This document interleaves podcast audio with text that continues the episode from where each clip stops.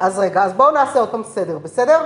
אמרתי, אביי ורבא תלמידי חכמים בבליים בדור הרביעי בבבל, בסדר? ואנחנו תכף ראשי הישיבה וכולי, אנחנו תכף נלמד עליהם קצת יותר, בסדר? נכיר אותם טיפה יותר, מי הם היו, מה הסיפור שלהם, מה הסיפור החיים שלהם, ככה נכיר אותם טיפ טיפה יותר כמו שאנחנו עשינו עם כל הדמויות הקודמות. אליהם צירפתי את הנחותי דמערבה, כלומר אותם אלו שהיו מעבירים מסורות מארץ ישראל לבבל ומבבל לארץ ישראל. הם היו כל הזמן על הציר שבין ארץ ישראל לבבל. ו... שנייה, אני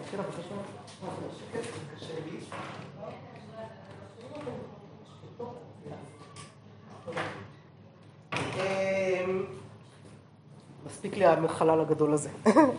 אמ, הם היו מעבירים, בסדר? מה שקרה זה שאמרנו, התפתחו מסורות על התלמוד, על המשנה, התפתחו מסורות גם בארץ ישראל וגם בבבל. למדו אותן בדרכים שונות, נכון? חכמי ארץ ישראל בדרכם שלהם, חכמי בבל בדרכם שלהם, אבל היה קשר בין חכמי ארץ ישראל לבבל. ראינו כבר בשיעור הקודם למשל, אם אתם זוכרות, שכשרצו למנות ראש ישיבה בבבל, והתלבטו מאוד בין מי למי, מי זוכרת? יפי רבא ורב יוסף, מצוין, רבא ורב יוסף, אחד סיני, אחד עוקר הרים, נכון? לא, מעולה. אחד סיני, אחד עוקר הרים, מה זה סיני, מה זה עוקר הרים? ובקיא, יפה. מי שחריף ומי שבקיא, מצוין. אז הם, מה זה? סיני זה הבקיא, כן, ועוקר הרים זה מי שעוקר הרים, מישהו מופל. זה עוד שאריות מה... לא, לא, יש לי, תודה. זה פשוט שאריות עוד משבוע שעבר. משהו, שיעור לוקח לו זמן לעבור. אמ, אז רצו, התלבטו בין זה לזה, מה עשו? שלחו להתם, שלחו לשם, כלומר לארץ ישראל, התייעצו עם חכמי ארץ ישראל, ארץ ישראל תמיד היה איזה מקום של כבוד קצת יותר גדול מבבל, אבל בסוף, כיוון שרב יוסף לא קיבל על עצמו, הם לא שמעו למה שהם אמרו להם. אמרו להם תמנו את רב יוסף, אמרו לו, אבל רב יוסף לא קיבל, אז הם היו עצמאים מספיק בשביל אה, לעשות מה שהם רוצים, ואנחנו עוד נראה ככה את היחסים האלה בין ארץ ישראל ובבל, אולי עוד טיפה היום גם כן. בכל מקרה, מה זה? כן. גם בבבל וגם בארץ ישראל השפה המדוברת הייתה ארמית, זאת השפת הדיבור, לא אותה ארמית. ארמית בבלית הייתה ניב שונה מארמית ארץ ישראלית. לכן כשלומדים למשל תלמוד ירושלמי זה קצת יותר קשה, כי הארמית הבבלית, אתם תגידו גם, גם בבלית קשה, כן? כאילו גם ארמית בבלית קשה, כי מי שלא רגיל לארמית לא רגיל לארמית. אבל הארמית בבלית היא הרבה יותר נלמדה, הרבה יותר נחקרה בגלל ש... היא הארמית, זה התלמוד שהתקבל וזו הארמית שהתקבלה גם, יותר חזק, אז מכירים את הארמית הבבלית הרבה יותר בקלות. ברגע שמגיעים לטקסטים מארץ ישראל שהם בארמית אה, ארץ ישראלית, פתאום קצת מסתבך, וזה מה שאמרתי לכם גם על תרגום אונקלוס, שהוא ארמית ארץ ישראלית, יותר קדומה גם, שלכן קצת קשה לפעמים ללמוד אותו, מצד שני הוא מאוד מאוד עוזר ללמוד ארמית, כי בסוף ההבדלים לא נורא נורא גדולים. אז, אה, אז זאת שאלה מצוינת, והם למדו גם בעברית וגם בארמית. כלומר, השפה המדוברת הייתה ארמית, אבל הם ידעו היטב והיטב גם עברית, והם למדו גם זה וגם זה, וזה מה שאמרתי לכם, שרוב האמוראים, ממרות של המוראים, כאילו האמירה החותכת של המוראים תהיה בעברית. מה יהיה לנו בארמית בעיקר? את הוויכוח. את הוויכוח, את המשא ומתן, המשא ומתן התלמודי יהיה בארמית, ועוד דבר אחד שממש בארמית תמיד,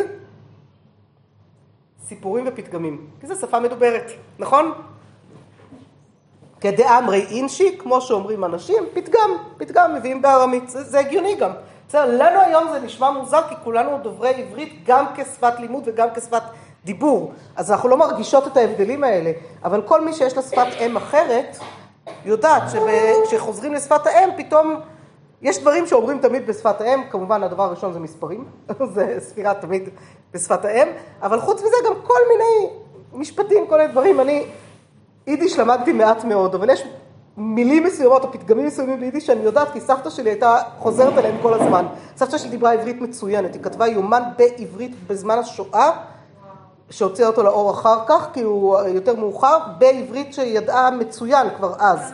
היא הייתה בת שלושים ומשהו, אני לא, לא יודעת בדיוק, היא הייתה לא, לא, לא, לא כל כך צעירה כבר, אה, עוד לא התחתנה, עמדה לעלות לארץ, הסיפור שלה הוא סיפור נורא נורא אה, עצוב, כי היא עמדה לעלות לארץ, היה לה כבר סרטיפיקט, היא הייתה בהכשרה ציונית, היא עבדה שם בהכשרה הציונית, בליטא, עמדה לעלות לארץ, הגיעה לסרטיפיקט ואז מנהל ההכשרה אמר לה תקשיבי אנחנו ממש לא צריכים אותך פה עדיין, ניתן את הסרטיפיקט שלך למישהו אחר והבא בתור, בתור תהיי את ולא היה הבא בתור, כי השואה פרצה. אז אה, בגלל זה היא עברה את השואה, היא לא כל כך סלחה לו כל חייו. מה? איפה? בליטא? בקובנה. קובנה תל זה היה האזור שהיא אה, הייתה בו. ומה שכן, כאילו מאת השם, שבזכות זה שהיא נשארה שם, כמה שהיא עברה דברים מאוד מאוד מאוד קשים, היא הצילה את אימא שלה. אימא שלה לא הייתה ניצלת אם היא לא הייתה נשארת שם. מה זה? היא לא הייתה נשואה, היא הייתה רכה עדיין, והיא הצליחה להציל את אימא שלה בזכות זה. אחות אחת שלה עלתה לארץ עוד לפני השואה, ושלושת האחים שלה נהרגו, אבא שלה ושלושת האחים שלה, ורק היא ואימא שלה אה, ניצלו. גם כן בניסי ניסים, כל הסיפור היא סיפרה בספר, זה ספר ככה לא קל לקריאה, אבל הוא מאוד מאוד אה, אה, חשוב, וחצי מהספר זה ספר שהוא יומן בעברית שהיא כתבה שם, זאת אומרת היא לא הייתה צריכה לא לתרגם ולא כלום, החצי השני, החצי שמספר על ההצלה, זה חצי שהיא כתבה ביידיש לחיילים רוסים יהודים ששחררו אותם, ביקשו ממנה לכתוב להם את סיפור ההצלה שלה, אה, איך הם ניצלו שם קבוצה של 22-24 יהודים שכאילו באזור שומם לחלוטין מיהודים, מה, מה עבר עליהם ואיך הם ניצלו, ואז היא תרגמה את זה אחר כך לעברית, כשהיא הוציאה את הספר. אבל אה, ידעה המון המון המון שפות, הייתה ככה באמת אה, זה, אבל, אבל השפת אם שלה בסוף הייתה יידיש, זאת אומרת, כמה שהיא ידעה עברית מצוינת, אז היא הייתה המון פעמים מדברת עם אבא שלי ביידיש, והוא היה עונה לה בעברית, וככה היינו יודעים מה היא אמרה לו, לפי איך שהוא ענה, וכאילו מילים ביידיש נכנסו לנו מתוך זה, זה כי, כי, כי, כי זו השפה, אין, אה, זו שפה מדוברת. בסדר, אני חוזרת לבבל ולארמית וכולי, בסדר? בחזרה, הנה כל הקיבוץ גלויות ככה על כל מיני כיוונים. אז אמרתי, רב דימי, בן דורם של אביי ורבא, גם תלמיד חכם בפני עצמו, היה לו זיכרון מאוד מאוד מאוד טוב, והוא היה פשוט כל הזמן על הציר. בסדר, הוא היה אחד מהנכותי, היו עוד נכותי, הוא לא היה היחיד, אבל הוא אחד הבולטים שבהם, והוא כל הזמן היה על הציר בין ארץ ישראל לבבל, והוא היה יושב בבית המדרש בבבל, ושומע את הדיון בבית המדרש, ואומר, רגע, רגע, רגע, בארץ ישראל אבל אומרים על זה כך וכך וכך, כי הוא היה זוכר מה אמרו. או כשהוא בא, הוא שמע שהם אומרים כך וכך, הוא אומר, לא, לא, אבל בארץ ישראל אומרים משהו אחר, וכך הוא היה מעביר דברים מפה לשם, בסדר? כאילו, נכון. כאילו, נכון, זה קרוב יחסית, זה כאילו, זה, על הציר זה, זה בהחלט מסתדר, ובסדר, והיה להם קשרים מאוד מאוד טובים בין אה, שתי הארצות. בבל זה לא בדיוק על זה, בבל זה קצת דרומית דווקא, זה מזרח, זה, זה דרום מזרח לצפון שלנו, בסדר? כאילו, מה שהיה הכי קרוב בעצם לאזור הצפוני, כן, מבחינת איך הולכים, הלכו כנראה באמת יותר דרך אה, לבנון, בסדר? חלב, ארם צבא. אה, מה שהיום הוא יותר אזור סוריה, לבנון סוריה, ואז ירדו לזה, לעיראק. בבל זה עיראק, בסדר? זה האזור. אה, הישיבה, אחרי שהיא עברה מסורה ופומבדיטה ונהרדעה, התקבעה בתקופת הגאונים בבגדד. בסדר? אז זה כל האזור של עיראק, זה בבל. רב דימי, כן, תכף תראו אותו כאן, בסדר? ממש נראה אותו כאן כמה פעמים שהוא מופיע לנו בשיעור, ולכן בעצם בחרתי להביא אותו כאן בשיעור הזה, בגלל שהוא בן דורם של אביי ורבא ומופיע איתם הרבה מאוד, אז אמרתי שזו הזדמנות ככה ל, אה, להביא את זה פה. בואו קצת נכיר אבל לפני כן את אביי ורבא. אביי ורבא אה, תלמידי חכמים מאוד מאוד מאוד חשובים. מי שנתקלה בהם כבר? באביי ורבא? באביי נתקלתם? מה זה? הוויות דאביי ורבא, או אגדות, יותר הוויות אביי ורבא, אבל אה, כביטוי מה זה? בגמרא הרבה מאוד פעמים, נכון, כי הם באמת הרבה מאוד פעמים מופיעים, וואי, תודה רבה, אה, הם הרבה מאוד פעמים מופיעים אה, ביחד. תזכירי לי שם רק? רוני, את, כאן, אוקיי, מעולה. אז קחי דפים, מזל שיש פה עוד קצת שנועם צילמה, מעולה, תודה נועם. בשמחה. אמ, זהו, אז הם באמת מופיעים, אה, מופיעים לנו הרבה מאוד בגמרא. המון המון המון המון המון המון, ולכן מאוד מאוד חשוב להכיר את הדמויות שלהם. בואו נתחיל מההתחלה, מהילדות של אביי, בסדר? מה זה? תכף נראה מה השם שלו היה, בסדר? איך זה, מה, מה, זה לא תמיד כזה פשוט, זה טוב שאת שואלת. זה לא תמיד כזה פשוט. אה, מה היה בדיוק השם שלו, בסדר? אה, בואו תראו אם ככה, אתם יודעות מה? אני אתן לכם את המקורות הראשונים. אה, מה, אתם לא רוצים חברותה? לא, כי אני מרגישה שאני מדברת יותר מדי ואז הגרון נגמר לי, וטוב שאתם ככה מטמיעות קצת, מה? אתם תקראו מעולה. אז יאללה, בואו נתחיל ככה, אז נלמד ביחד אבל תקראו אתם, אבל בבקשה אל תדברו יחד איתנו, כי אחרת לא נצליח. בסדר? אז בואי, את רוצה להתחיל? טליה. זה מה שנקרא, יש, יש פתגם בארמית, כן, שמופיע בגמרא, שנקרא, הנה אני אכתוב לך אותו,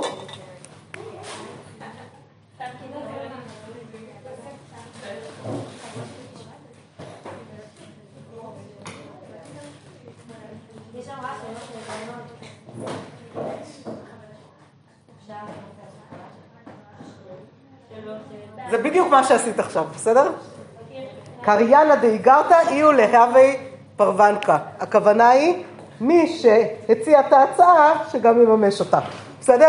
אז הצעת שאתם תקראו, בבקשה, בואי, את מקבלת את הזכות. אוקיי, לא. תקראי. יש כאן פיסוק שזה יפה, אני מעתיקה לכם מפרויקט השו"ת אה, שטיינזלץ, והוא מפסק וזה מאוד עוזר. אז אה, כבר עשיתי לכם חצי שירות. אבל את יכולה לתקן אותי? כן, בטח. הסיפור הראשון הוא סיפור מוכר וידוע מכועס וחכמנו, מה שנקרא כועס וחכמנו מפורש. אבל לי, ההיא, אימא, מילה בעברית, שהיא בעצם ארמית. אוקיי. ידעתם שאימא זה מילה בארמית? כן. לא? אז רבי טרפון, הווה לי, ההיא, אימא. מה מזה יידיש? שכל אימת ההיא, דהבת, בעיה, יופי. אז בואו נראה מה זה אומר, בואו נתחיל לתרגם ככה לאט לאט, יש לכם תרגום לאט. יש שם בצד תרגום, תשימו לב, יש לכם תרגום בצד. הפעם זה לא בסוגריים, יצא לי בצד, לא יודעת, זה דפים אה, שאיכשהו יצא ככה והם... לא, לא יודעת, אבל זה טוב, כי זה מאמן אתכם יותר. זה עוזר קצת, מה? כן, ואז אתם לומדים את המילים. אז רבי טרפון, הווה לי האימא, מה זאת אומרת? הייתה לו אימא, אימא, יפה, אותה אימא, אימא שלו. שדכל אימת דהבת באיה למייסק לפוריה. דכל אימת זה כל. כל זמן, כל פעם, כל זמן, בסדר? במיטה. שהייתה באיה, מה זה אה, דהבת באיה? מה זה באיה? מה זה? לא, מה זה באיה? מה זה המילה באיה? לא תרגמתי לכם אותה, אבל... מה זה באי? השורש באי בארמית. יופי, מצוין. אז כל פעם, כל זמן שהייתה רוצה, מה זה למי שק לפוריה, זה כבר תרגמתי לכם, לעלות למיטה. מה היה עושה רבי טרפון? אה, היה מתכופף. כדי שהיא תשתמש בו ת- כמו סולם, תעלה דרכו.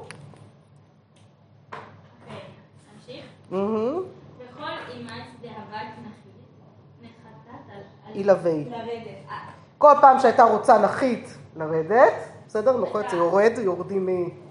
לזה, היה, הייתה יורדת עליו, דרכו. בסדר? הוא היה שרפרף, לצורך העניין. תחשבו, רבי טרפון, כן? כלומר, עד, עד היכן היה כיבוד אב ואם של רבי טרפון. מה זה כסליק? סליק זה לעלות. לעלות? אה, סליק לא, גחין וסליק לה, כן. אה, אה, התכופף והעלה אותה. סליק זה כמו לעלות, כן. כמו סולם, כן. אבל סליק זה לעלות. עתה, בואי תמשיכי. וקר משבח משבח בי מדרשה. עתה וכמשתבח בי מדרשה. היה בא, ומס... בא רבי טרפון לבית המדרש וסיפר, תקשיבו, איך אני מכבד את אימא שלי, הוא רוצה שילמדו ממנו, כן? עד כמה יכול להגיע כיבוד הורים. אז הוא היה ככה מספר את זה, משתבח בזה. אמרי לי, אמרלה, עדיין לא הגעת לחצי כיוון. כלום ארקני. ארנקי, מה זה ארנקי? ארנק, בפניך לים ולא החלמת? החלמת? מה הכוונה? הוא לא, אתה עוד לא הגעת, אל תשתבח כל כך, אתה אפילו לא הגעת לחצי ממה שאפשר להגיע בכיבוד הורים. האם, לא, האם כבר יצא לך שהיא זרקה את הארנק שלך מלא כסף, כל המשכורת שלך, לים בפניך, ולא, מה זה החלמתה? החלמתה, מה זה החלמתה? זה, זה ממש היה ביטוי בעברית. כלימה זה בושה יותר, נכון? כלימה זה בושה. לא, ולא ביישת אותה. לא התעצבנת עליה, לא ביישת אותה, כן? כלומר, אתה בכלל עוד לא, עוד לא הגעת לחצי כיבוד. זוכרות את רב יוסף? שבוע שעבר? הנה הוא גם פה. רב יוסף. כי הווה שמע דמי, דמי, כלומר, יש לך תרגום שם? קל קראה דאמו קראה. כל רגל של אימא. למה קראה זה רגל? כמו? יפה. כמו קרעיים. כן. אוקיי. כאשר היה שומע את הקול של הרגליים של אמא שלו, כלומר היא רק מתחילה ללכת, היה שומע את הקול של הרגליים של אמא שלו,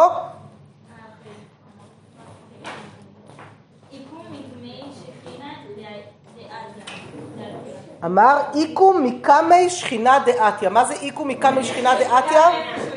אני אקום, מה אמרת? לכבוד השכינה. אני אקום לפני השכינה שבאה. דעתיה זה באה. בסדר? כלומר, אימא שלי מייצגת מבחינתי את השכינה. למה היא מייצגת את השכינה? איך יכול להיות שאימא מייצגת את השכינה? מה זה? למה אימא היא מייצגת את השכינה? היא ילדה אותו. ילדה אותו, היא נתנה לו חיים. היא נתנה לו חיים. כן. נכון, נכון.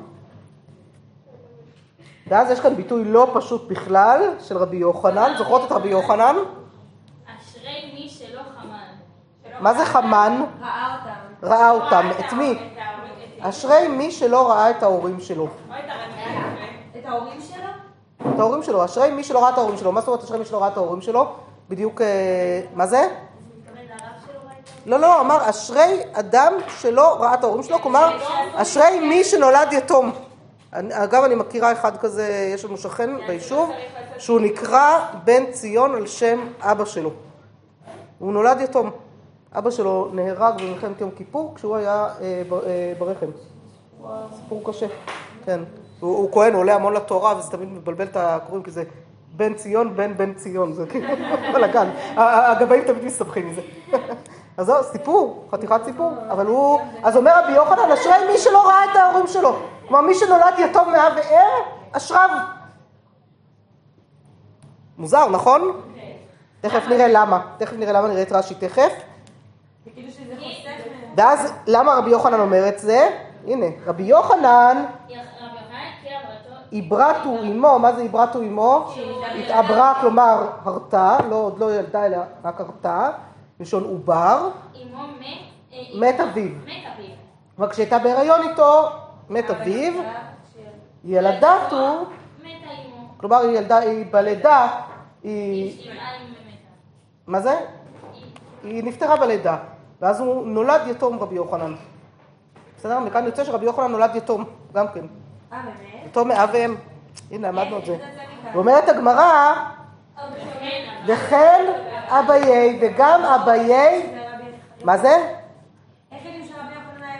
זה הסיפור שמספרים לנו פה.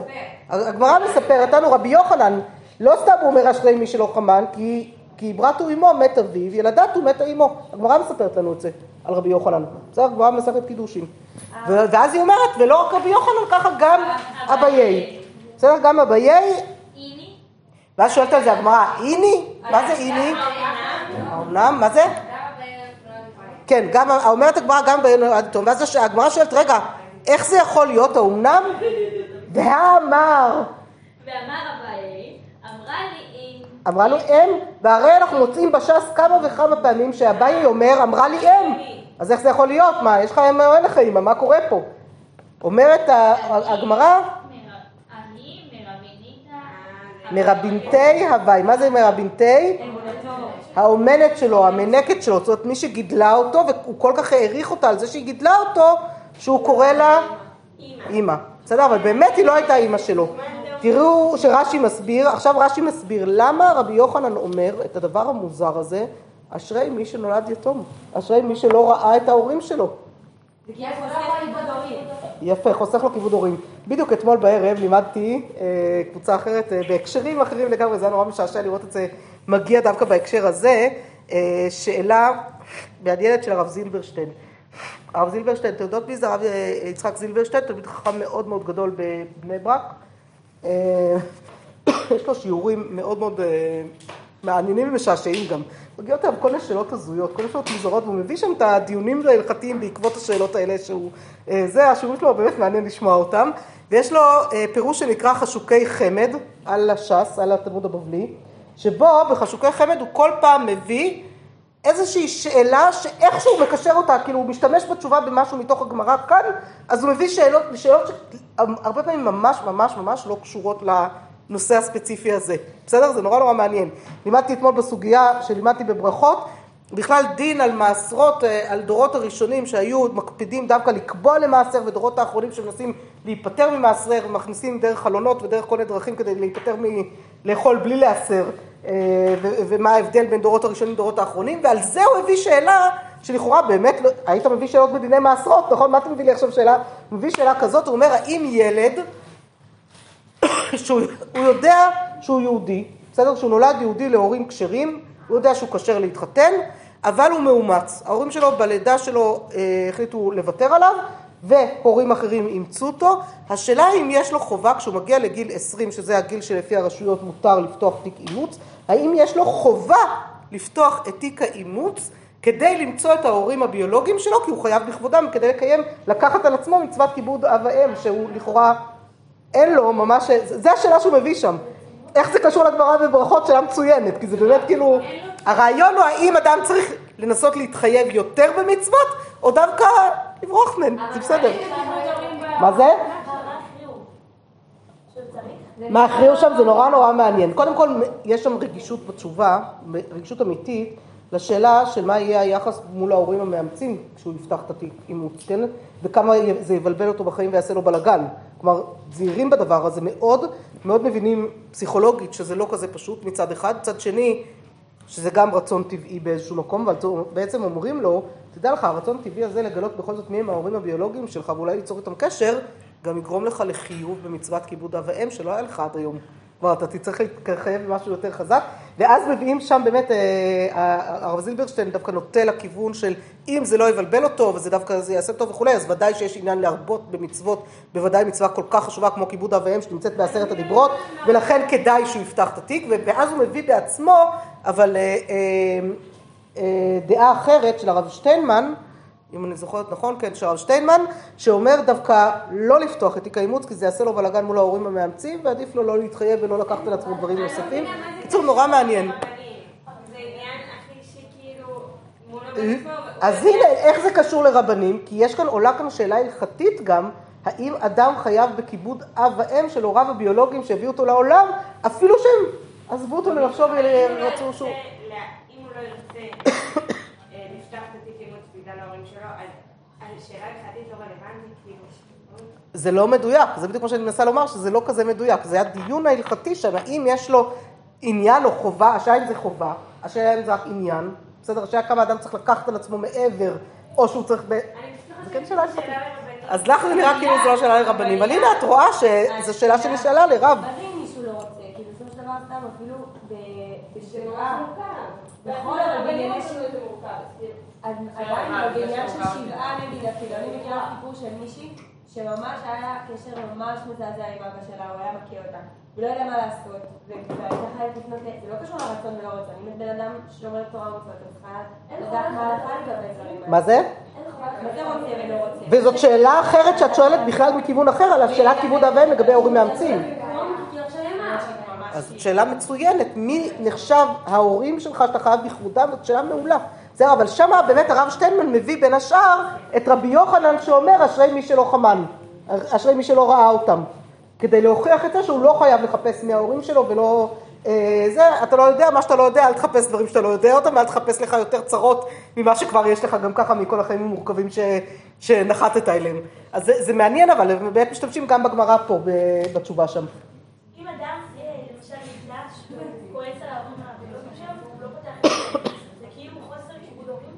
זאת השאלה, זו בדיוק השאלה שהוא מביא שם, האם, שהוא דן שם, האם זה כאילו חוסר, או שלהפך, דווקא יש כאן משהו שהוא... לא, לא עדיף. מה זה? לא על דרך ה... כאילו ההעשרה, שאתה יכול להרוויח. השאלה אם הוא חייב בזה בכלל או לא. אז הוא יוצא מתוך התשובה שם של הרב זילברשטיין. זהו, אז מתוך התשובה של הרב זילברשטיין יוצא חד משמעית שזה לא עבירה. שוודאי אין פה עבירה בלא לפתוח תיק אימוץ. לא לא בלא... אני מתכוונת לא למצב שבו אני לא עושה צעד, שלא לא עושה צעד כדי לכבד את ההורים. אלא? אני מתכוונת למצב שבו אה, ברור לי שאני לא כאילו אפתח את אימוץ ולא... אה, אוקיי. אבל עכשיו יש לי זלזול וכעס וכאילו ותכונות רעות כאילו. את אומרת, אבל פה את שואלת שאלה אחרת. כי זו כבר שאלה שבשבילה אולי לא חייבים לפתוח את תיק האימוץ. מה שצריך לעשות זה עבודת המידות, עבודת הנפש. נכון? כאילו. אבל אם את באמת כועסת עליהם, לכאורה, אם אדם, שלכאורה יש לו את כל הסיבות הלגיטימיות שבעולם לכעוס על ההורים שלו שזנחו אותו, נכון?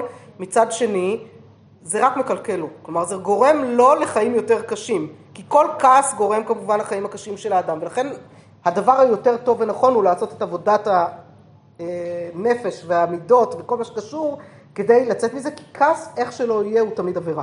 אבל ביחס גם אם הוא מוצדק לכאורה. ביחס למצוות כיבוד הורים, אני לא יודעת, זה כבר שאלות באמת מאוד קשות. היה לנו פעם שאלה קשה שהגיעה אלינו מזוג נורא נורא מתוק, כאילו באמת אה, זוג שסיפור כואב נורא של אה, זוג ששתי האימהות של שניהם חולות נפש במחלות מאוד מאוד קיצוניות וקשות, והם מאוד מאוד משתדלים לכבד אותן למרות המצב הזה, והאימהות שם מזיקות להם, כאילו זה ממש מצבים קשים שיש שם, ב- בגלל המחלת נפש, לא שהאימהות אשמות, הן פשוט באמת חולות, אבל זה מצבים מאוד מאוד מאוד קשים, והם בכל זאת מנסים לעזור ולא, ולהתרחק ולהתקרב, והם היו לפני לידה של הילדה הראשונה שלהם, ומה שהם באו לשאול אותנו כשאלה הלכתית, הנה הילה עוד פעם כשאלה הלכתית, הם באו להתייעץ איתנו עד היכן מגיע אה, חובת כיבוד הורים שלהם ביחס לילדה, הם פוחדים שהאימא, זה היה בעיקר האימא שלה, אם אני זוכרת נכון, שהאימא ממש תזיק לילדה בהתנהגות שלה, כי היא לא, לא שולטת בעצמה בגלל מחלת הנפש,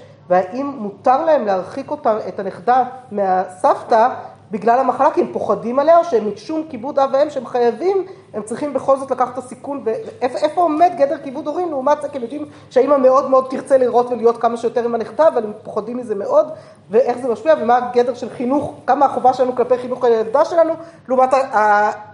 זה, זו הייתה שעה מאוד מאוד קשה, זאת אומרת, ישבנו איתם, באמת ניסינו לברר איתם לעומק ככה את כל הסיטואציה, הם ככה פתחו בפנינו גם כל הסיטואציה, לא משנה, אחר כך היה סיפורים מאוד מאוד קשים אחרי הלידה הזאת, אבל אה, היה שם, היא בעצמה הידרדרה נפשית פתאום, והיה שם סיפורים ממש ממש קשים, וסיפור כואב, ממש סיפור כואב. מה זה? מה הפסיקה? הפסיקה הייתה חד משמעית שקודם כל הילדה קודמת.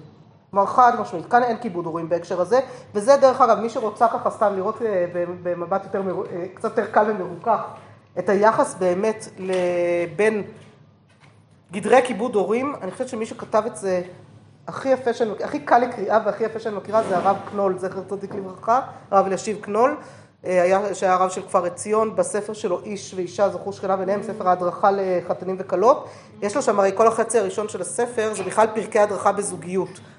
והפרקי הדרכה בזוגיות אה, הם לא קשורים להלכה, זאת אומרת החצי השני זה פר- פרקי הלכה, הלכות אה, טהרת המשפחה, והחלק הראשון זה בכלל פרקי הדרכה, זה פרקים נפלאים ויפים, אבל החלק האחרון שלו שם בפרקי הדרכה זה קטע שנקרא היחס להורי בן הזוג, ואני ממש ממש ממש ממליצה על הקטעים האלה, גם כדי לדעת בכלל עוד לפני בן זוג, מה חו- חובתי ביחס להורים שלי, כלומר עד איפה מגיעים גדרי כיבוד הורים מצד אחד, ומצד שני איפה הם כבר לא אמורים להתערב לי בחיים, ואני אמורה לנהל את החיים שלי בעצמי, וזה קטע מאוד מאוד יפה שהוא נותן שם. מה זה?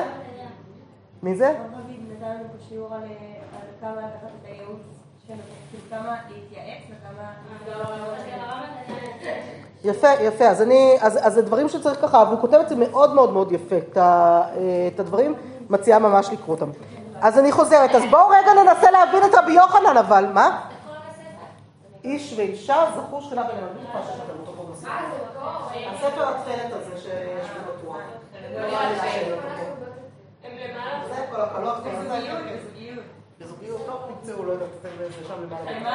לא. מה זה? ברבנות, יש רבנויות שמחלקות בחינם, ברוך השם. תלוי איפה. וואו.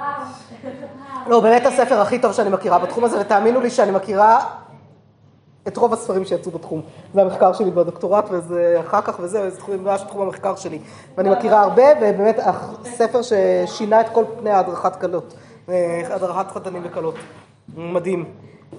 אני חוזרת לרבי יוחנן, תסבירו לי למה רבי יוחנן אומר אשרי מי שנולד יתום, איזה מין אמירה קשה זאת, חוץ שהוא היה כזה והוא רוצה קצת לחזק את עצמו. מעבר לזה, איזה מין אמירה זאת? יש, אבל לא באותה דרגת חיוב, זה לא, זה לא אותו, אותה רמה של ההכרח.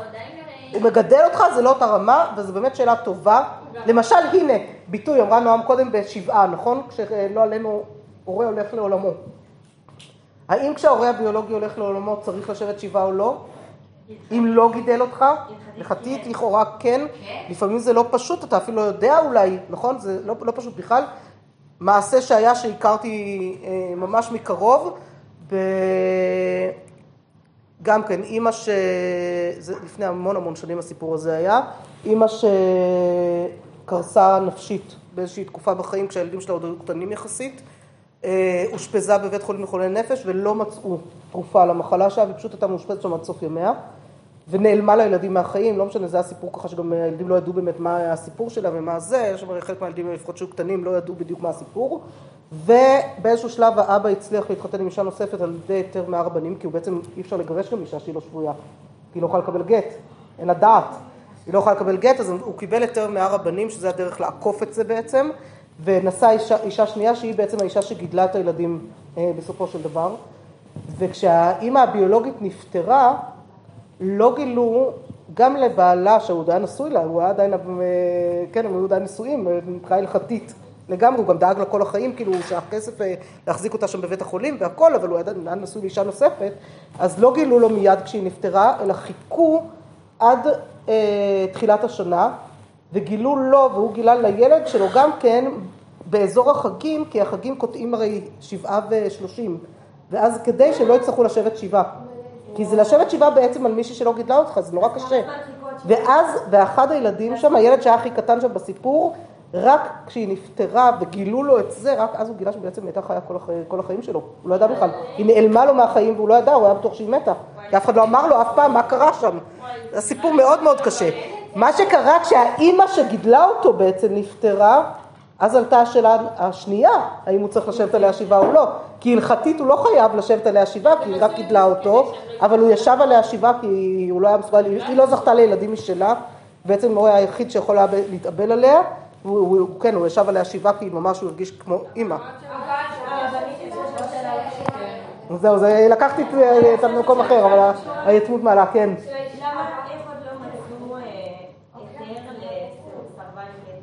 טוב, זה ממש שאלה שאת לוקחת למקום אחר, לא עכשיו. בסדר, זה דיון מאוד מאוד מאוד ארוך, לא עכשיו. בסדר, לא, אי אפשר עכשיו. אני, אני גם לא יודעת אם אני הדמות שמתאימה להיכנס לזה, כי לא למדתי מספיק את הנושאים האלה של אבן העזר. בסדר, זה נושאים מאוד מאוד מאוד מורכבים, אבל על קצה המזלג אני אולי יכולה לתת, ואולי צריך פשוט להביא מישהי שמבינה בזה יותר ממני. בסדר? אני חושבת שזה עדיף. מה? כל מה שיש לסרבנות גט? זה לא יושב לי בקלות, אני מודה, זה בטח לא יכול לשבת בקלות לאף אחד, אף אחד לא יכול לשבת בניחותא עם הסיפור הזה.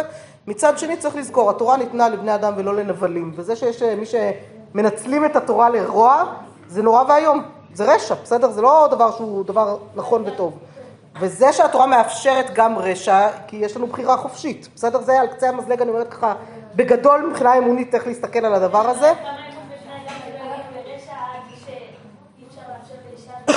זה באמת נורא ואיום.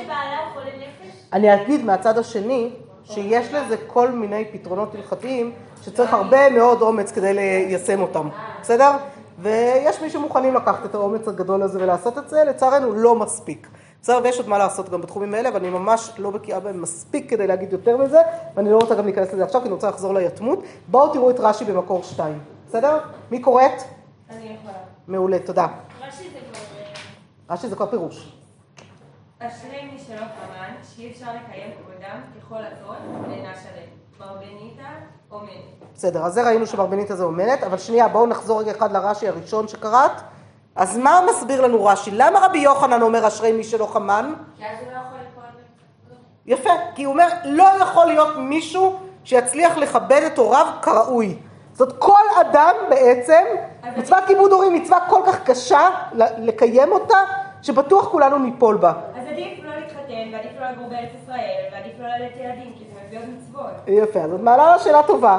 לא, זה כאילו, זה לא, מה זה- הראייה הזאת? אז בואי תנסי, אז בואי תנסי רגע לתת לזה גם תירוץ. עכשיו בואי תיכנסי רגע אחד לעולם של רבי יוחנן. רבי יוחנן נולד יתום. הוא שומע את הדיונים בבית המדרש על כיבוד הורים. שנייה. בטוחה שהוא הפך את זה לאידיאל? הוא אמר, אשרי מי. הוא אומר אשרי מי, בסדר, הוא מנסה כאילו זה, אולי זה איזושהי אמירה שלו כלפי עצמו, של לנחם את עצמו, כן, להגיד לעצמו, אוקיי. גם רבי יוחנן, נגיד, אתם זוכרות את רבי, רבי יוחנן זה אותו אחד עם הדן אה, גרמא דאסירה אביר, אה, זאת העצם של בני העשירי, אתם זוכרות את הסיפור הזה שלו? הסיפור הקשה של רבי יוחנן, שמתו לו עשרה בנים, והיה מסתובב עם העצם, אה, קצה העצם של הזה. זה קשה? הנה, לי מתו עשרה בנים, יש, יותר קשה מזה בחיים. כלומר, רבי יוחנן היה טיפוס ככה מורכב, חריף ומורכב גם מבחינת ההתמודדויות שלו.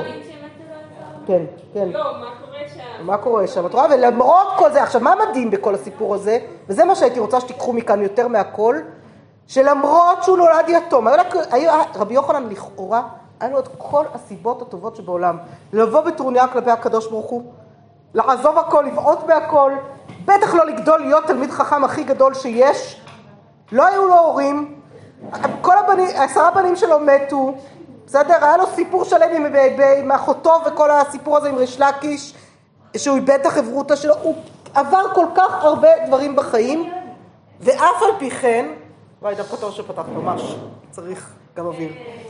אמ, ולמרות כל זה, תראו כמה הוא צמח, לאן הוא גדל, הוא, לא- כל, את כל הצרות האלה שהיו לו בחיים, למה, הוא- עשה? הוא לקח כדי לצמוח ולגדול. מה שאומר שכל אחד יכול לצמוח ולגדול, בסדר? לא, זה ממש, זה דבר שהוא מדהים. כי הרבה פעמים אנשים נוטים להגיד, וזה ככה לוקחת סתם ממקום האישי יותר, הרבה פעמים אנשים נוטים להגיד, להאשים אה, בכל מיני דברים שקורים להם בחיים, זה בגלל ההוא, ובגלל שקרה לי ככה, ואני גדלתי בסביבה לא טובה, ולא נתנו לי את התנאים האלה, והמורה שלי לאנגלית הייתה דפוקה, אז אני לא יודעת אנגלית, וזה היה ככה, ולכן אני לא יודע את זה, וכל מיני סיפורים. אנחנו נוטים להאשים את כל העולם ואשתו, נכון? בכל מיני דברים שקורים לנו. במקום מה? לקחת אחריות ולהגיד, סליחה, בסדר, הקדוש ברוך הוא אתגר אותי, יאללה, אתגרים דבר מצמיח.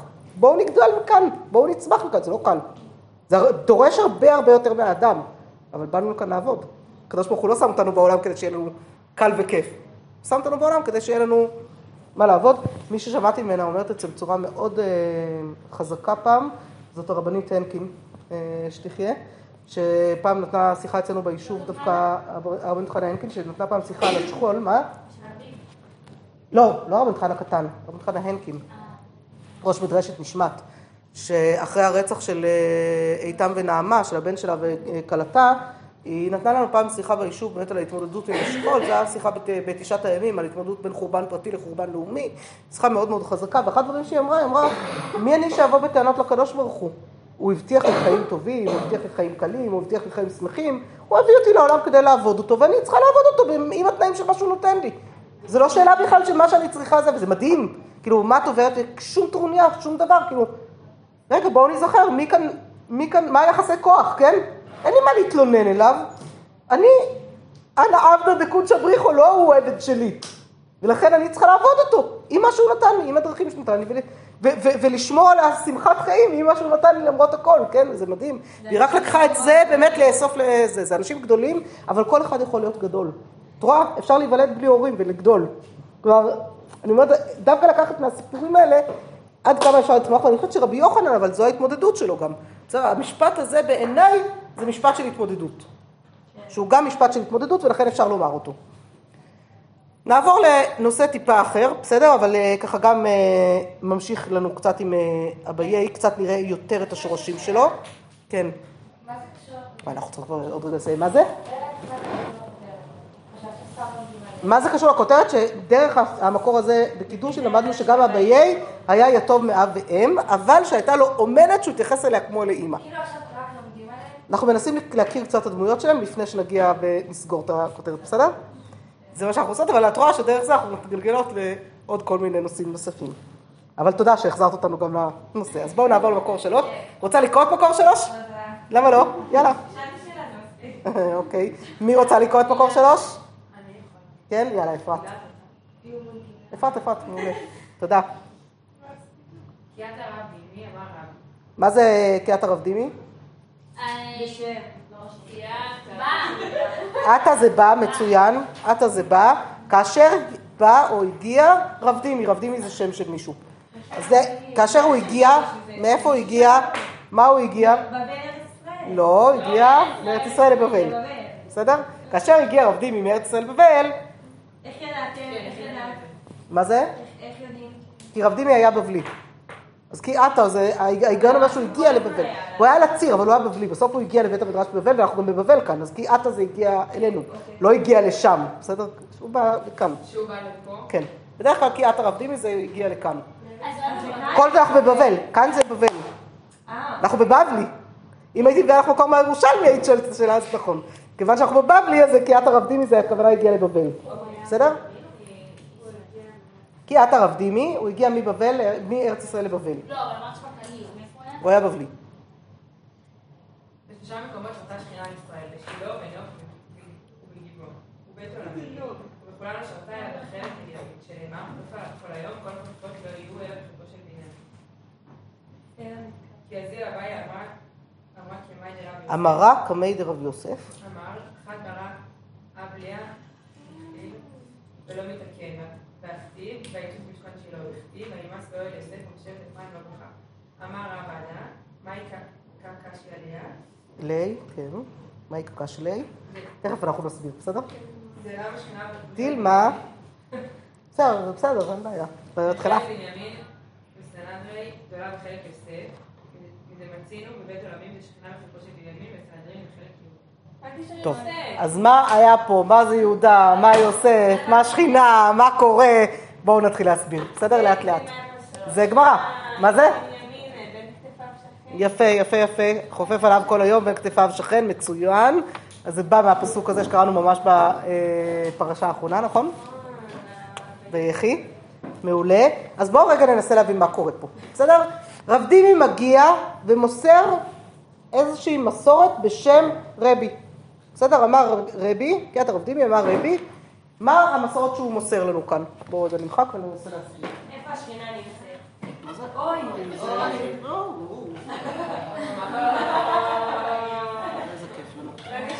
לא, זה טוב, כי זה- זה חוק ממש טוב שנדעת במדרשה, שמי ש... לגמרי, שמי שמציעה משהו, היא צריכה לקחת את זה עד הסוף. מעולה. בסדר, לא עכשיו, תעשו את זה אתן אחר כך, כי היד שלי כואבת גם ככה מספיק. אז אה, אני לא לא אאמץ אותה יותר מזה. והנה, קריינה דאיגרתא, אילו לאבן פרוונקה, ואת מוזמנת לעשות את זה. מעולה, אתם לא תשכחו את המשפט הזה, תראו איזה יופי, יש לכם... קניתם משפט בארמית. מה זה קריינה דאיגרתא, אילו להווי פרוונקה. אילו להווי פרוונקה. כן, אני אחזיר בסדר. תחזירי את זה, כן, כן, מצוין, מצוין. פרוונקה. פרוונקה. בסדר? הנה, הנה, תכניסו, תכניסו את זה קצת. זה- זה- אתם מבינות שזה זה מצחיק, כשאני בקבוצות עם, אה, נגיד במכון, שאנחנו כאילו קבוצה של כולם דוברי ארמית גם, כי זה אנשים שהם אה, אה, תל- תלמידי, כאילו תלמידי חכמים כאלה, אז זה ברור שזה, ברור שכאילו מישהו מעלה משהו, קוראים לו קריאנה דיגרתא, שלוש נקודות, וכבר כאילו מבין בדיוק מה נפל עליו עכשיו. זה לא, זה כאילו כבר ביטוי שמשתמשים בו לגמרי בתוך עולם הישיבות, כן? רק אה, צריך להכיר אותו, ואז לדעת איך, על מה מפילים עליך. אז הנה, למדתם. טוב, בואו ננסה להבין עכשיו. עכשיו ננסה להבין גם את הגמרא, בסדר? מי רוצה להתחיל לעזור לנו? מה אמר רבי? מה אומר רבי, קודם כל? איפה מתקיימת שכינה בארץ ישראל? אומר רבי, בשלושה מקומות שרתה שכינה בישראל. היה שלושה מקומות ששרתה בהם שכינה. מהם המקומות ששרתה בהם שכינה? שלושה מקומות, אם הם מקומות. כהנים. יש לנו בשילה, שילה. מה היה הכהנים. נוב וגבעון, זה בא ביחד, תשימו לב, כי זה שלושה צריך להיות. לכאורה יש פה ארבעה, ובית עולמים. מה זה בית עולמים? יפה, בית עולמים זה כמובן לא בית עלמין, אלא בית עולמים, זה מבלבל, אבל בית עולמים, בית עולמים הכוונה היא המקום שבו שרה שכינה לעולמי עד, לעולמים, כלומר, בית המקדש או ירושלים, בסדר? או מה? ירושלים. בסוף זה היה בירושלים, נכון? אז יש לנו שילה, נו וגבעון.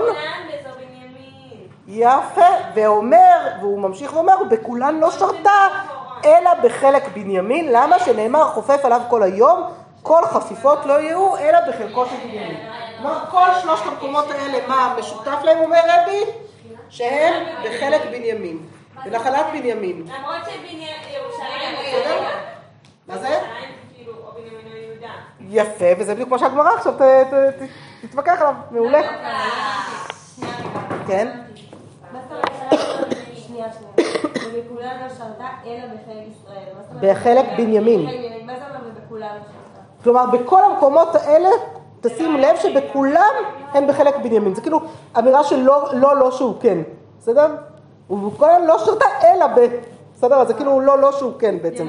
מינוס? מינוס שהוא פלוס. מה זה אומר חופף עליו? מה זה חופף? וזהו, עכשיו, שנאמר, יש לנו, ב- אה, בפרשה שלנו עכשיו, נכון? שלמדנו, חופף עליו כל היום ובין כתפיו שכן על בנימין, נכון? כן, כן, כן, חופף עליו כל היום ובין כתפיו שכן.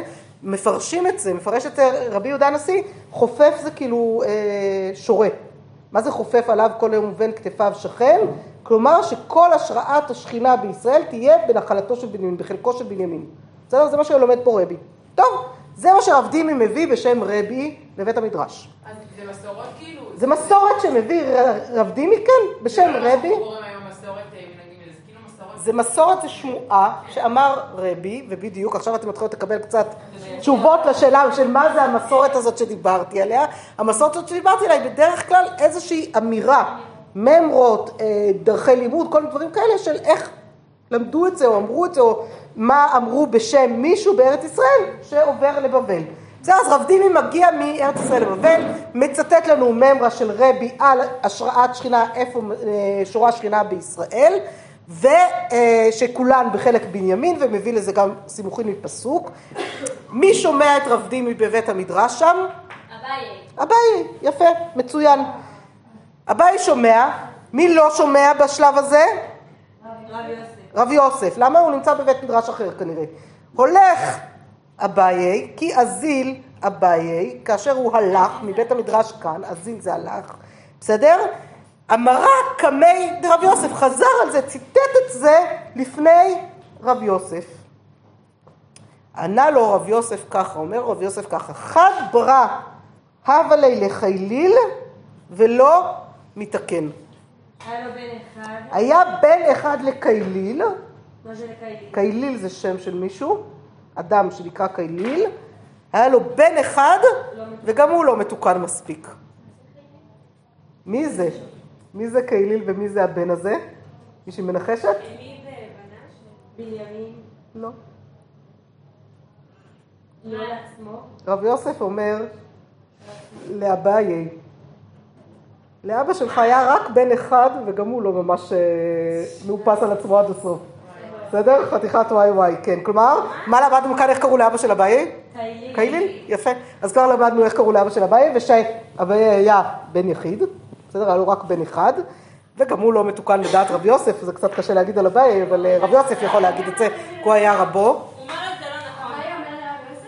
אביי לא, רב יוסף אומר לאביי, בן אחד היה לאבא שלך, לקייליל, וגם הוא לא מתוקן מספיק, כאילו מה, למה?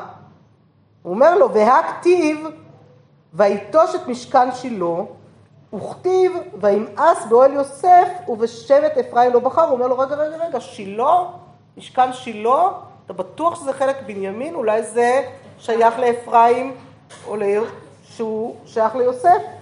אם אנחנו יודעות, אנחנו כאן ממש די קרובות, נכון? שילה, זה נכון שזה עדיין בנימין, אבל זה כבר מאוד על התפר של אפרים. מה זה? שילה כאן, צפון, צפונה יותר, אה, שם יותר, צפונה, כן? אם אני מסתכלת על איפה שאני נסעתי עכשיו, אני עברתי את שילה בדרך, בסדר? פחות או יותר, כן. אה, שם, זה שם, ככה, כן? צפונית מזרחית לכאן, בסדר? צפונית לכאן יותר אפילו, לא ממש צפונית מזרחית, צפונית לכאן. זה שילה, צפונית לכאן, אנחנו בעופרה בחלק בנימין בטוח, נכון? שילה... שילה זה. זה, עדיין בנימין, אבל זה על גבול הנחלה של בנימין. הוא אומר לו, למה, הכתוב "ויש- ויטוש את משכן שילה, וימאס באוהל יוסף ושבט אפרים לא בחר, לא בטוח זה, הנה עכשיו תראו, אמר רב עדה, מה היה קשה לו? למה אתה אומר את זה, רב יוסף? מה היה קשה? רב עדה, עוד תלמיד חכם, בסדר, קצת יותר מאוחר, מה קשה לי? מה קשה לרב יוסף? למה אתה כל כך מסתבך רב יוסף עם הדבר הזה? לכאורה הדברים שהוא אומר הם די פשוטים. הוא אומר, דילמה, אולי שכינה היא בחלק בנימין, וסנהדרי גדולה בחלק יוסף, יכול להיות שכן. שילה באמת, שנייה, שילה באמת הייתה בחלק בנימין, השכינה, המשכן היה בחלק בנימין, אבל הסנהדרין הגדולה לא ישבה באותו זמן בחלק בנימין, אלא ישבה באזור אפרים, קצת יותר צפונה. מדמצינו בבית עולמים, כמו שמצינו, כמו שראינו בבית המקדש, ששכינה בחלקו של בנימין, וסנהדרין בחלק יהודה, כלומר בדיוק על התפר הזה, הסנהדרין הגדולה כאילו כבר ישבה בחלק יהודה, כי כמו שאמרת יפה הילה, בית המקדש ירושלים היא בעצם על התפר. נכון? ירושלים ממש על התפר בין בנימין לבין יהודה. מצד אחד כתוב לנו בין כתפיו שכן, מסבירים את זה בין כתפיו שכן, כלומר שבית המקדש יהיה בחלקו של בנימין. מצד שני אנחנו יודעות שזה ממש על התפר של נחלת יהודה, ובעצם זה לא סתם על התפר הזה בין בנימין ליהודה, בסדר? בנימין, בני רחל, שנייה, אפרים, זה, תשימו לב שזה גם לא סתם הדמויות שדווקא פה. אפרים, הבן הנבחר, כמו שראינו בפרשה האחרונה, מבני רחל, בסדר? בנימין גם כן בנה של רחל, יהודה הבן הנבחר מבני לאה, נכון? ויש שם כל הזמן על הציר הזה שבין יהודה, בין בני לאה לבני רחל איזשהו מתח, ש, שראינו אותו לאורך כל הפרשות האחרונות שלנו, נכון? זה לא מתח שהוא סתם מתח בין אחים, זה מתח שהוא מתח מובנה אה, בעומק של הבסיס של עם ישראל, של כל אחד מייצג משהו אחר, הבסיס של זה, וזה כבר שיעור ארוך, ארוך, ארוך, שאין זמן עכשיו בכלל להעריך בו, אבל הוא שיעור מאוד מאוד חשוב בעיניי, על באמת יעקב כדמות כפולה, נכון, אחרי שהוא לקח את ברכות עשיו גם, כדמות כפולה של אדם שהוא גם רוח וגם חומר, מתחתן עם שתי נשים שכל אחת מהן משלימה לו את אחד החלקים האלה, מוליד ילדים שמתוכם נבחרים אלה שייצגו, ומכאן יוצא לנו גם לעתיד לבוא, יותר בהמשך, משיח בן יוסף ומשיח בן דוד, שצריך את שניהם כדי לבסס את עם ישראל בסופו של דבר, כשמשיח בן יוסף הוא באמת על הצד החומרי יותר, ומשיח בן דוד על הצד הכלי, וזה, מי שרוצה להשלים את זה, תלמד היטב את המספד בירושלים של הרב קוק, את המאמר שנקרא המספד בירושלים של הרב קוק, שהוא מאמר מאוד מאוד חשוב בהקשר הזה, בסדר? אז אני יכולה לשלוח לכם משהו קטן שכתבתי על זה ככה אה, ממש. זכיתי לומר דברי תורה בסעודת החתונה של הבת שלי עכשיו. והכנסתי ככה ממש בקטן את הדבר הזה ככה ברמז, את הדבר הזה, אני חושבת שהוא דבר מאוד מאוד עמוק וחשוב. זה היה לי חשוב מאוד להביא את זה, גם באמת להגיד אה, על הקשר הזה בין עולם החומר לעולם הרוח, כי, כי זה חשוב, זה בסיס לבית, הקשר הזה בין עולם החומר לעולם הרוח, אני יכולה לשלוח לכם את זה אחר כך, אבל זה בעצם הבסיס פה. אז מה שהוא אומר כאן, הוא אומר, כמו שראינו, גם בבית המקדש, שבית המקדש מצד אחד יש בו סנהדרין שהיא כאילו בחלק יהודה, אבל בעצם זה אותו חלק, אותו אזור, והשראת שכינה שהיא כאילו בחלק בנימין, כלומר על התפר, יכול להיות שאותו מודל בדיוק קרה גם לפני כן במשכן שילה, שהש... שהמשכן היה בבנימין, אבל הסנהדרין באפרים, כלומר על התפר הזה בין אפרים לבנימין, כי היה צריך שיהיה את שני החלקים, את שני הדברים שמייצגים שני הדברים האלה ביחד, את השראת השכינה עם העשייה, הסנהדרין הרי מייצגת גם את הדין ואת העשייה שלנו בעולם הזה, השכינה זה השראה, זה גם הלמטה והלמעלה, יש כאן המון המון המון עומק בתוך הגמרא הזאת, אבל מה שלמדנו ממנה קודם כל על דמותו של אביי, ששמו אביי ואבא שלו קייליל. בואו נראה עוד כינוי אחד של אביי לפני שאנחנו מסיימות כאן, אחר כך את הבא בתור כבר נראה בפעם הבאה. אומר לנו הרשב"ם בפירוש למסכת פסחים, המסכת פסחים שמזכירה אומרת משהו בנחמני. מסביר לנו הרשב"ם מי זה נחמני, מי היה הרשב"ם דרך אגב, אז יודעות מי היה הרשב"ם? רשב"ם, נכד של רש"י, בסדר? רבי שמואל ברבי מאיר, נכד של רש"י, אה, בן ביתו, בסדר? והוא בנחמני אביי, ולפי שגידלו רבא בר נחמני, קרוי כן. אז עכשיו למדנו עוד משהו אחד על הדמות שלו. בואו נסכם רגע אחד מה למדנו על דמותו של אביי עד עכשיו, מה אנחנו יודעות עליו? יתום מאב ואם. אבא שלו קייליל. אבא נקרא קייליל. הוא לא מתוקן. קצת ירדו עליו, בסדר, הוא לא מתוקן, זה כבר רבי יוסף שככה קצת ירד עליו, אבל זה לא, לא הייתי אומרת את זה עליו כל כך בקלות, רק רבי יוסף יכול להגיד דבר כזה. ומה אמרנו? מכנים אותו, מכונה, הכינוי שלו זה נחמני, למה? כי הוא גדל את רבא בדיוק, כי מי שגידל אותו, היה לנו עוד, עוד, עוד דבר אחד, חוץ משהיותו מאב ואם, הייתה לו, הייתה לו. אומנת כאם, בסדר? שממש הייתה לו כמו אם, ומי שגידל אותו, מבחינת, אה, גידל אותו בתורה, היה רבא בר נחמן. בסדר? אז זה מה שעד עכשיו, תשתדלו לזכור את זה לפעם הבאה, אני אנסה להמשיך משם. בשמחה, בהצלחה.